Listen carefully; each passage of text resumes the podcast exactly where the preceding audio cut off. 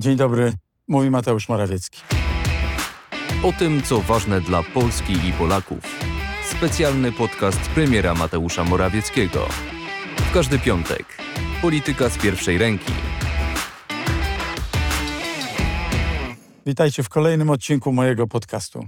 Dziś nagrywam w wyjątkowym biegu, bo teraz mierzymy się dodatkowo z kolejną falą koronawirusa, która nabiera coraz większego rozpędu. Przygotowywaliśmy się na ten moment od dłuższego czasu, ale uderzenie nowej fali zawsze jest potężnym wyzwaniem dla systemu ochrony zdrowia i dla całego państwa. W tym odcinku chciałbym naświetlić także strategię rządu w walce z zimową falą zakażeń. I to cały czas najważniejszy temat wszystkich rozmów i konsultacji. Następnie powiem kilka słów o udoskonaleniach Polskiego Ładu. Przy tak szeroko zakrojonej reformie tego typu aktualizacje są nie tylko konieczne, ale nawet jak najbardziej wskazane. Trzeci temat odcinka nie będzie wcale luźniejszy. Wręcz przeciwnie. Podzielę się komentarzem w sprawie aktualnej sytuacji na Ukrainie. Zagrożenie geopolityczne ze strony Rosji, z jakim mierzy się cała Europa Środkowo-Wschodnia, a w szczególności Ukraina, jest bardzo realne. Dlatego bezpieczeństwo naszego regionu jest jeszcze jedną kwestią ważniejszą niż dotąd. Zacznę od sprawy, która od kilku dni niepokoi miliony Polaków. Tak, to prawda, piąta fala pandemii stała się faktem.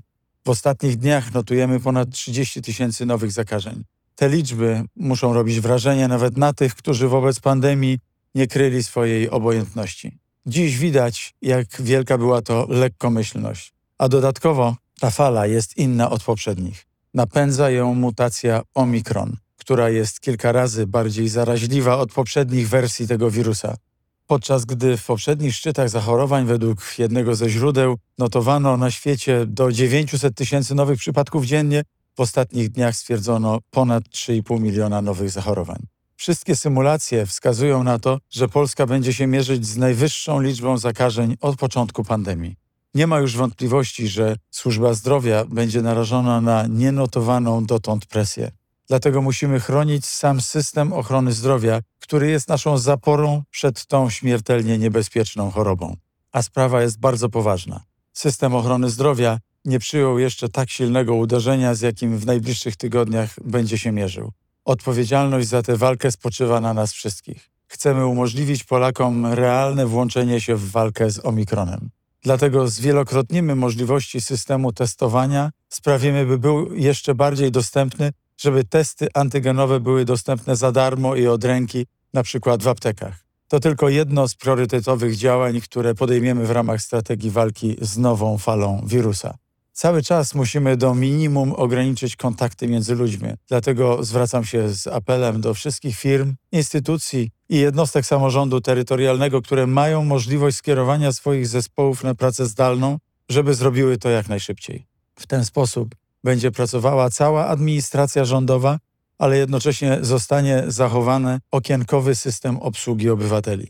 Pamiętajmy jednak, że dużą część spraw obywatelskich można załatwić online.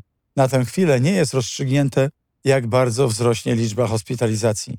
Musimy być jednak przygotowani na najtrudniejszy scenariusz. To konieczność. Zwłaszcza, że skala zakażeń będzie z pewnością kilkukrotnie wyższa niż dotychczas. W tym miejscu chciałbym mocno i z pełnym przekonaniem zaapelować o przyjęcie szczepionki. Zarówno tych, którzy tego jeszcze nie zrobili, jak i tych, którzy z jakiegoś powodu nie zapisali się na dawkę przypominającą. Badania potwierdzają, że dawka przypominająca jeszcze skuteczniej chroni przed ciężkimi powikłaniami. Pamiętajmy, że szczepienie w trzech krokach nie jest niczym nadzwyczajnym.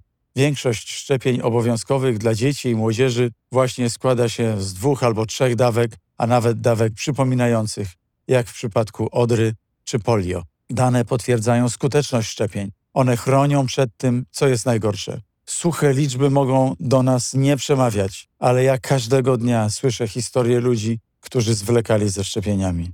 A kiedy zostali zaatakowani przez groźną chorobę, było już za późno. I już nigdy nie sprawdzą skuteczności szczepień. Każdy z Państwa na pewno zna osoby, które ciężko przechodziły chorobę albo niestety, których choroba pokonała. Te osobiste doświadczenia znajdują potwierdzenie w prowadzonych od dwóch lat badaniach. Wiem, że niektórzy wciąż zastanawiają się, czy szczepionki są wystarczająco dobrze zbadane. Chcę więc przypomnieć, że szczepionki na COVID zostały przyjęte nie przez dziesiątki tysięcy ludzi, jak to było podczas badań klinicznych. Dziś skorzystały z nich setki milionów, a nawet miliardy ludzi. Wszystko jest w naszych rękach. Szczepmy się, dbajmy o swoje zdrowie, nie ryzykujmy tak łatwo życiem swoich najbliższych. Proszę, abyście śledzili na bieżąco wszystkie rozporządzenia ministra zdrowia. Sytuacja jest trudna, jest dynamiczna. Musimy umieć reagować błyskawicznie w zależności od tego, jak rozwijać się będzie ta fala pandemii. Na tę chwilę skupmy się jednak nad tym, co zrobić, aby ten czarny scenariusz się nie zrealizował. Walczmy. Tak wiele mamy do zyskania, a do stracenia niemal wszystko.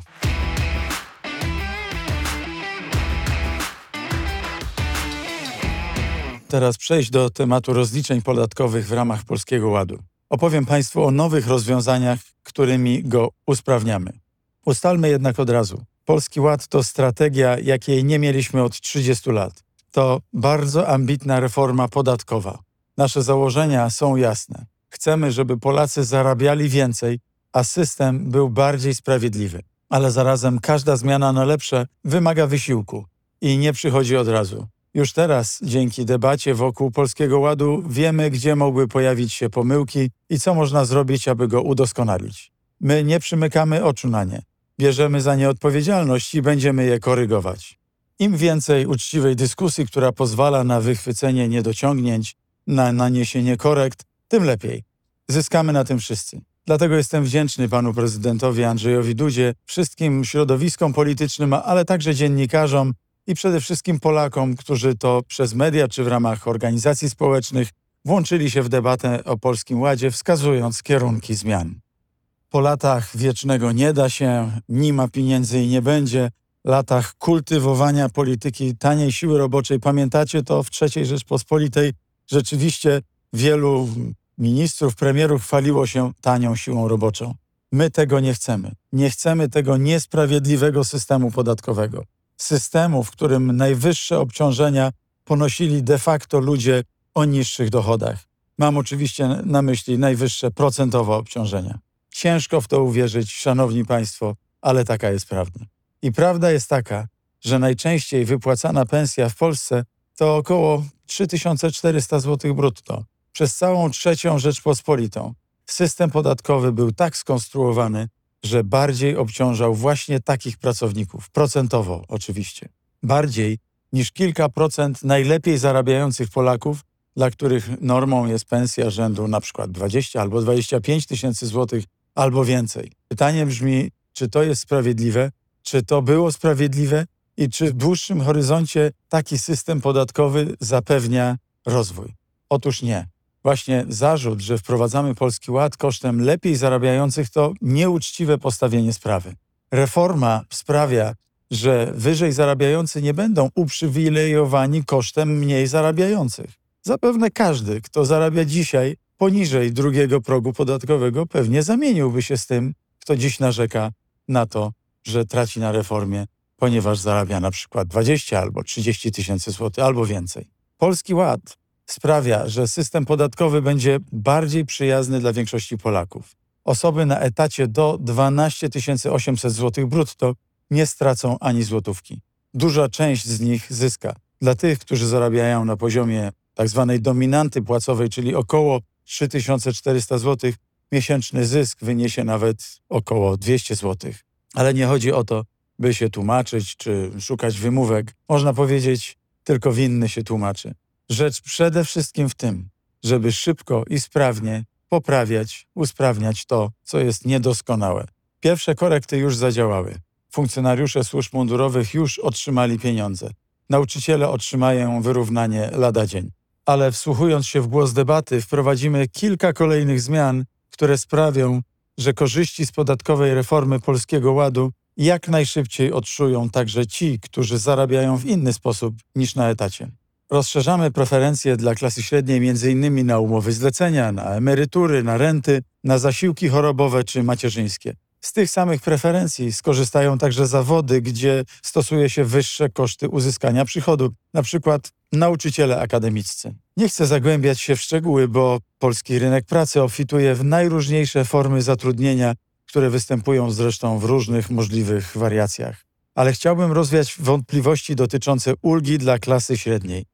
Przypadku ulgi dla klasy średniej po przekroczeniu jej limitu będzie obowiązywać zasada złotówki za złotówkę. Idea Polskiego Ładu jest taka, żeby budować i wzmacniać polską klasę średnią. Ale klasa średnia nie powinna ograniczać się do 10% najlepiej zarabiających w wielkich miastach przede wszystkim. Słyszeliśmy też głosy o tym, że na zmianach stracą samotni rodzice. W ogromnej większości przypadków to nie jest prawda, ale w trosce o tę grupę rozszerzamy jeszcze tę ulgę. Osoby o niższych dochodach dostaną pełny zwrot 1500 zł, nawet gdy zapłacą niższy podatek. Czy potraficie sobie Państwo przypomnieć choćby jedną korektę, choć jedną odpowiedź na głosy społeczeństwa, kiedy podnoszono wiek emerytalny, kiedy Platforma Obywatelska podnosiła podatek VAT, albo kiedy zabierała razem z PSL wasze pieniądze z OFE? Czy słyszeliście Państwo wtedy o jakichś zmianach, o jakichś korektach? Ja nie słyszałem. Zapewne pojawią się jeszcze jakieś sprawy wymagające skorygowania i rozwiązania, które będzie można udoskonalić. Robimy wszystko, by Polacy zarabiali więcej i mogli być spokojniejsi o swoją przyszłość. Oceniając Polski Ład, proszę wziąć pod uwagę, że to program przełomowy, bo pozwala obniżyć podatki dla ogromnej większości obywateli, a jednocześnie poprawić jakość służby zdrowia. Wyższe obciążenie składką zdrowotną bez odliczeń, bo o to tutaj chodzi, odczuje zaledwie kilka procent podatników. Żaden z naszych opozycyjnych krytyków, a większość działa na polskiej scenie politycznej od lat, nie miał chęci, a może odwagi, by podjąć się choć jednego z tych wyzwań, które my staramy się teraz zaadresować. Zmiany na lepsze nie przychodzą same z siebie i rząd nie może czekać na nie z założonymi rękami. W trzeciej Rzeczpospolitej jakakolwiek zmiana wydawała się zazwyczaj niemożliwością, a co dopiero zmiana na lepsze. I my to właśnie zmieniamy. Pokazaliśmy, że jesteśmy skuteczni. Ta droga prowadzi od 500 plus, przez 300 plus, przez 13 emerytury, aż do Polskiego Ładu, czyli emerytury bez podatku do 2,5 tysiąca złotych. A celem tej zmiany jest to, by Polacy żyli coraz bardziej na europejskim, zachodnioeuropejskim poziomie. I to nie stanie się z dnia na dzień, ale z każdą z tych zmian, z tych reform jesteśmy tego celu bliżsi. To jest podcast premiera Mateusza Morawieckiego. Słuchaj dalej. Na koniec chciałbym przejść do kwestii, która wisi nad naszą częścią Europy jak chmura gradowa. Wojska rosyjskie od dłuższego czasu wciąż przegrupowują się przy granicy z Ukrainą. Nie wiadomo, jakie konkretnie zamiary ma Władimir Putin. Na samej Ukrainie to wyniszczająca wojna nerwów, ale i dla nas to sytuacja najwyższego ryzyka. Polska oraz wiele innych krajów, które miały nieszczęście znaleźć się po II wojnie światowej w sowieckiej strefie wpływów, komunistycznej strefie wpływów, nie z własnej przecież woli, już w roku 1989 dokonała jasnego wyboru, w jakim kierunku chcemy iść na zachód. Była to nasza naturalna orientacja. Cała nasza kultura i tożsamość są ufundowane na wartościach cywilizacji Zachodu. Razem z nami drogę tę przeszły takie kraje jak Litwa, Łotwa, Estonia, Czechy, Słowacja czy Węgry. Ukraina wówczas, po upadku komunizmu, znalazła się w trudniejszej sytuacji. Żelazne prawa geografii i lata mocarstwowej, totalitarnej polityki Związku Sowieckiego okazały się nieubłagane. Jednak w ostatnich latach, w związku z coraz bardziej agresywnym kursem Kremla, widać na Ukrainie znaczącą odmianę. A jednym z głównych rysów tej odmiany jest wyraźne dążenie do Zachodu, do wartości takich jak wolność, demokracja, suwerenność czy przejrzystość działań państwowych wobec obywateli, ale także do jego struktur, do NATO i do Unii Europejskiej. Polska ma tu niebagatelną rolę do odegrania, ponieważ z perspektywy Ukrainy to właśnie my jesteśmy najbliższym zachodnim państwem. Co więcej, państwem bliskim kulturowo, z podobnym językiem, sposobem życia i wspólną historią. W środę wizytę w Polsce złożył premier Łotwy Krystianin Skarinsz i zagrożenie na Ukrainie było oczywiście jednym z głównych tematów naszych rozmów. Obaj się zgodziliśmy, że tak jak Polska i Łotwa przebyły drogę oswobodzenia się od rosyjskiej strefy wpływu do wolności i możliwości samostanowienia, tak samo powinniśmy z całych sił wspierać innych, którzy naszym przykładem chcą podążyć tym samym szlakiem. Zarówno władze, jak i obywatele Ukrainy z pewnością widzą, że w Polsce czy na Łotwie żyje się dziś po prostu lepiej. Oczywiście mamy swoje problemy, jak wszyscy, ale trzeba też sobie uczciwie powiedzieć, że chyba żaden Polak nie chciałby się dzisiaj zamienić z Ukraińcami na ten stan zagrożenia, w jakim znalazła się ich ojczyzna. Dla nas Ukraina to sąsiad i strategiczny partner w regionie. Wyrazem tego są m.in. dwudniowe rozmowy pana prezydenta Andrzeja Dudy z prezydentem Ukrainy w Wiśle. Polska jednoznacznie wspiera Ukrainę w jej prozachodnich dążeniach. W naszej historii wielokrotnie mówiliśmy nic o nas bez nas. Teraz czas wyraźnie powiedzieć nic o Ukrainie bez Ukrainy. W obliczu zagrożenia rosyjskiego na Ukrainie kluczowa jest europejska jedność i solidarność. Rosja musi wiedzieć, że ma do czynienia z jednolitym frontem bez wyłomów, że wszyscy mówimy jednym głosem, popieramy te same rozwiązania i twardo stoimy po stronie Ukrainy, czyli po stronie wolności i niepodległości przeciw niewoli i bezprawiu. Przedwczoraj mocne stanowisko w tej sprawie zajął prezydent Joe Biden. Oczekiwałbym podobnej reakcji ze strony europejskich liderów. Europa to nie są puzzle, z których jeden element można dowolnie wyjąć. Europa to wspólnota suwerennych narodów. Jeśli na poziomie unijnym pozwolimy rozgrywać się Kremlowi w ten sposób, będzie to świadczyło o tym, jak wielu lekcji z przeszłości nie odrobiliśmy, jak bardzo nie wyciągamy wniosków z trudnej, dramatycznej, często tragicznej historii. Jeśli na poziomie unijnym pozwolimy rozgrywać się Kremlowi w ten sposób, będzie to świadczyło o tym, jak wielu lekcji z przeszłości nie odrobiliśmy, jak bardzo nie wyciągamy wniosków z trudnej, dramatycznej, często tragicznej historii. Żelazny uścisk Rosji zaciska się nie tylko w sensie militarnym. Rosja wypracowała sobie przez lata niestety także inne środki wpływu na kraje europejskie. Jednym z nich jest polityka gazowa i zagrożenie, jakie niesie Nord Stream 2.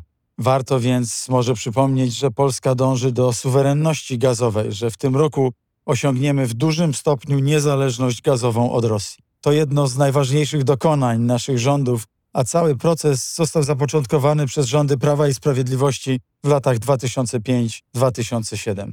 Wiele krajów Europy nie podjęło jeszcze tej decyzji i dziś są w dużej mierze uzależnione surowcowo od Rosji. Takiej sytuacji chyba nikt już naprawdę nie ma wątpliwości, że wieloletnia zgoda polskich i zagranicznych elit politycznych na Nord Stream 2 albo próba przedłużenia przez rząd PO-PSL kontraktu z Gazpromem to dowody, i to bardzo poważne dowody, odklejenia od rzeczywistości i całkowitego sprzeniewierzenia się polskiej racji stanu. Kiedy dziś o tym pomyślimy, kiedy wyobrazimy sobie, że uzależnienie energetyczne od Rosji miałoby trwać jeszcze kolejne 15 lat, w sytuacjach kryzysowych, a z taką niewątpliwie borykamy się od dłuższego czasu i to na wielu poziomach naraz, potrzeba przede wszystkim odpowiedzialnej, rozsądnej i podmiotowej polityki. I gwarantem takiej polityki jest właśnie Prawo i Sprawiedliwość. To już wszystko w dzisiejszym odcinku. Dziękuję wszystkim, którzy odwiedzają ten kanał. Naprawdę cieszę się, że możemy się tak co tydzień spotykać. Kiedy przygotowywałem się do tego podcastu, zdałem sobie sprawę, że kolejny odcinek będzie już 20, który tutaj nagrywam. Przez najbliższy czas będę zastanawiał się, czy na te okrągłe numery nie przygotowywać jakichś specjalnych tematów. Tymczasem trzymajcie się w zdrowiu. To nie frazes. Naprawdę na siebie uważajcie. Nowa fala wirusa to realne zagrożenie. Robimy wszystko, abyśmy do tej walki byli jak najlepiej przygotowani. Ale potrzeba jeszcze jednego odpowiedzialności i solidarności ze strony każdego z nas. I o to Was proszę. Do usłyszenia niebawem. Mówił Mateusz Morawiecki. Podcast jest dostępny w serwisach Spotify, Google Podcast oraz Apple Podcast.